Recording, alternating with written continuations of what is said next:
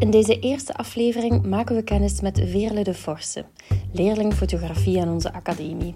Zij vertelt ons graag wat meer over haar werk Posture, dat momenteel te zien is aan de muur van ons onthaal in de Offerlaan.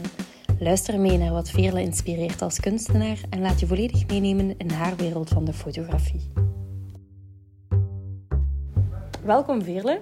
Super fijn dat jij de spits wilt afbijten van het nieuwe project Kunst Onthaald. In eerste instantie natuurlijk, stel jezelf even voor. Oké, ik ben Veerle de Forse. Uh, moet ik mijn leeftijd noemen? Je mocht kiezen, dat is geen verplichting. Je ik mocht kiezen. 50. Ik ben een goede tien jaar met fotografie bezig. En dus nu ehm, zit ik in mijn eerste specialisatie fotokunst hier op de academie. Uh, dus vorig jaar in juni uh, afgestudeerd Ja. eigenlijk. U vier Maar- jaar gedaan ja. en dan, ja, En, eh, en toch besloten om verder te doen. top. Ehm, Die eerste jaren, waar heb je die gedaan, fotografie? Als je zegt tien Eh, jaar eh, ik heb ervaring. eerst ik heb les gevolgd aan het KUSP. Eigenlijk met het idee gewoon, ik ga een keer een cursus fotografie volgen. Zo, Ja. Ik ga met, met dat toestel leren omgaan. Mhm. En dat was eigenlijk een instant verliefdheid. Ik had dat totaal niet verwacht. Het was echt iets wat ineens heel belangrijk werd voor mij, maar wat mij heel intens deed kijken. Alsof ik ineens alles ook veel intenser beleefde. Door met die camera op stap te zijn. Ja, Eh, en ik kende helemaal niets van fotografie, dus in het begin was dat ook wel echt zo wat de techniek leren en zo. Ehm, maar pas op het einde van die vier jaar had ik door hoe belangrijk het was voor mij om zo mijn eigen beeldtaal te vinden. En die vrijheid, die koesterde ik enorm. Dus ik had het gevoel, hier begint het eigenlijk nog maar. Ehm, en ik heb altijd gedacht dat ik geen tijd had om academie te doen. Allee, dat dat iets wat ging zijn voor na mijn pensioen. Maar ik ben hier dan een keer komen kijken op zo... Fotokunst doet elk jaar een, een ontbijt, Ja. eh, de eerste week van september. En ik ben komen kijken en ik was meteen verkocht. meteen verkocht, de max. Ik heb me dan ingeschreven. Dan is corona gekomen. Dat heeft in mijn geval ervoor gezorgd dat ik ook wel wat meer tijd had. En dus ik ben hier wel met wat bagage al binnengekomen, waar ik wel blij om ben. Waardoor ik direct met het artistieke kon bezig zijn, om het zo te zeggen. Ja, snap ik. Dat je minder Eh, aandacht moest besteden aan de aan de techniek. en dat Ja. je eerder En kon- ook voor ja. mezelf al een stukje had uitgemaakt waar ik energie wil insteken Ja. en waar minder. Of Ja. Zo. Ja, Ja. snap ik. Ehm, dan eigenlijk een vraag eh, omtrent het nieuwe eh, concept, Kunst Onthaald, waar we nu dus mee gestart zijn, waar jij de eerste kunstenaar zal zijn. Wat heeft u gemotiveerd om de spits af te bijten eh, voor het nieuwe initiatief, de nieuwe rubriek Kunst Onthaald? Ik heb eigenlijk gewoon een mailtje gekregen. Ehm, enerzijds was er een mailtje naar iedereen gericht van de werken mogen van de muur gehaald worden. Want hier, hangt dus, hier hing aan de muur, of hangt nog een stukje, een selectie van alle eindwerken van vorig jaar. Ja. En dan aan mij de mededeling van als het goed is voor jou, ik heb gesuggereerd dat jouw werk eh, Ja, in het onthaal zou kunnen komen te hangen. Dus, ja, En je vond dat leuk, dat is fijn. Super. ik bedoel, als je werk maakt, dan ben je blij dat je het ook mag tonen. Tuurlijk, ja. Want we hebben heel veel energie gestoken in een hele mooie groepsexpo Ja. voor ons afstuderen. Maar dat is dan één weekend en, dan, eh, ja. en dan wordt dat weer opgeborgen. Dus ja, dat is zeker leuk als Ja. je het nog kunt doen. Dan een beetje over het werk specifiek. Ja. Eh, kun je iets vertellen over het Ja. werk eh, op zich? Wat heeft u geïnspireerd? Ja. ja. Ehm, het is een thema waar ik al eh, langer rond aan het werken was. Het is eigenlijk een combinatie van ehm, werken rond het lichaam, of in dit geval mijn eigen lichaam, Mhm. en beelden van onder, uit de natuur, voornamelijk bomen. Ehm, in het derde jaar zat ik al die richting, alleen ging ik al die richting uit. Ehm, ik heb dat de titel postuur of posture meegegeven. Eigenlijk is het zo dat ehm, als ik het over mijn eigen lichaam heb, dan voel ik me ouder worden. Vooral een trekken en wringen. Ik ga niet zeggen dat ik echt een pijnpatiënt ben of zo, Mhm. maar toch wel redelijk wat ongemakken. Ja. Ehm, en als ik naar bijvoorbeeld bomen kijk, dan zie ik ook die torsie. Dan, dan zie ik eigenlijk verbeeld wat ik voel. Behalve dat daar geen enkele negatieve connotatie bij is. Ja. Dus bij bomen vinden we dat gewoon mooi, interessant, doorleefd. eh, net zo goed bij rotsen. Hè, die, die, dat is ook het resultaat van blootstelling aan de omstandigheden Mhm. over een veel langere tijd. Ehm, dus eigenlijk heb ik geprobeerd om een stuk ook zo naar mijn eigen lichaam te kijken. Ja. En ehm, eh, uiteindelijk ben ik die beelden gaan combineren, ehm, maar op een niet te rigide manier. Dus ik heb eigenlijk eh, heel, veel heel veel beeldmateriaal verzameld.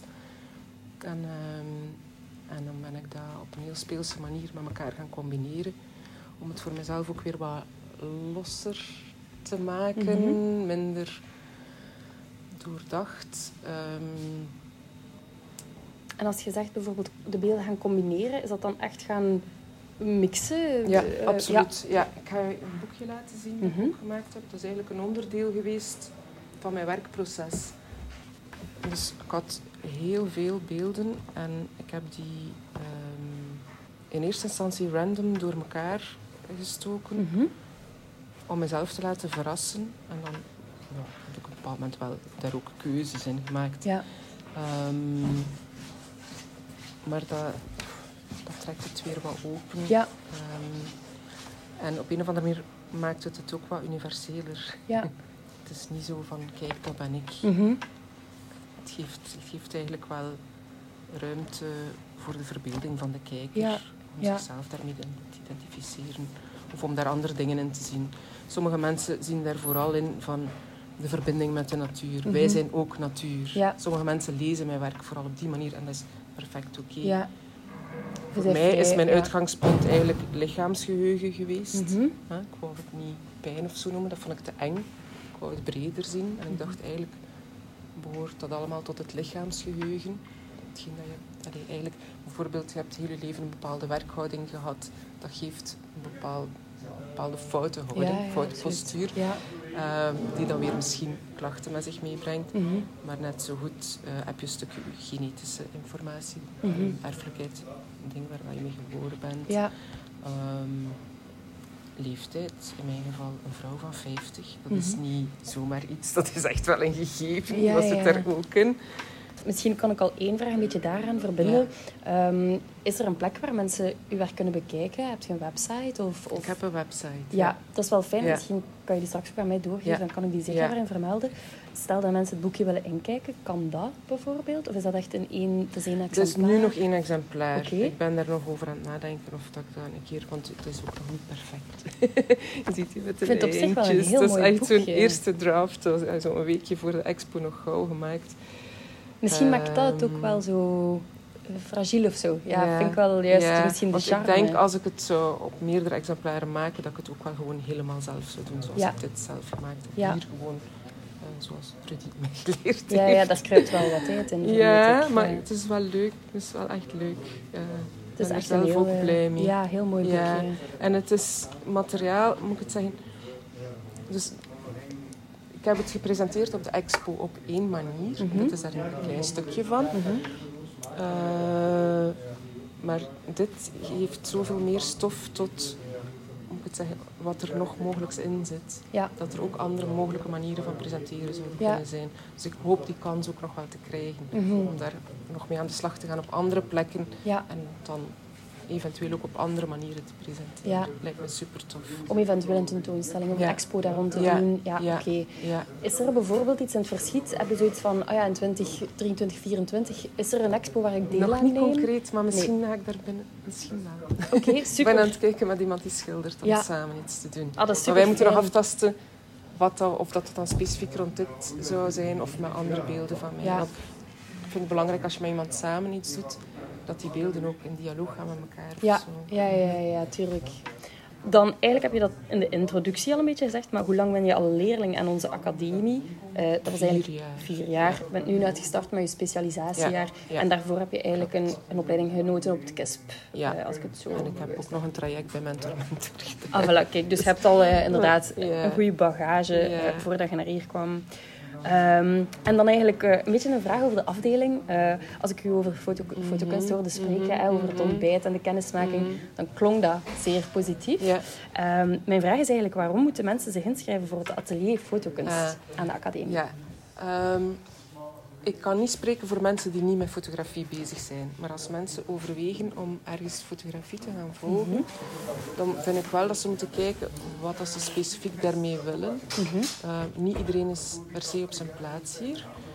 als ik deze afdeling zou moeten omschrijven, dan zou ik zeggen, wat ik super tof vind, is, of waarom dat ik mij bij het ontbijt zo gecharmeerd was, was omdat de, ze noemen het auteursfotografie hier. Mm Dus uh, de nadruk ligt heel fel op inhoud. Ja. Alhoewel dat je daar binnen vind ik zelf nog heel veel kanten op ja. kan. Dus niet dat bijvoorbeeld specifiek documentaire fotografie is.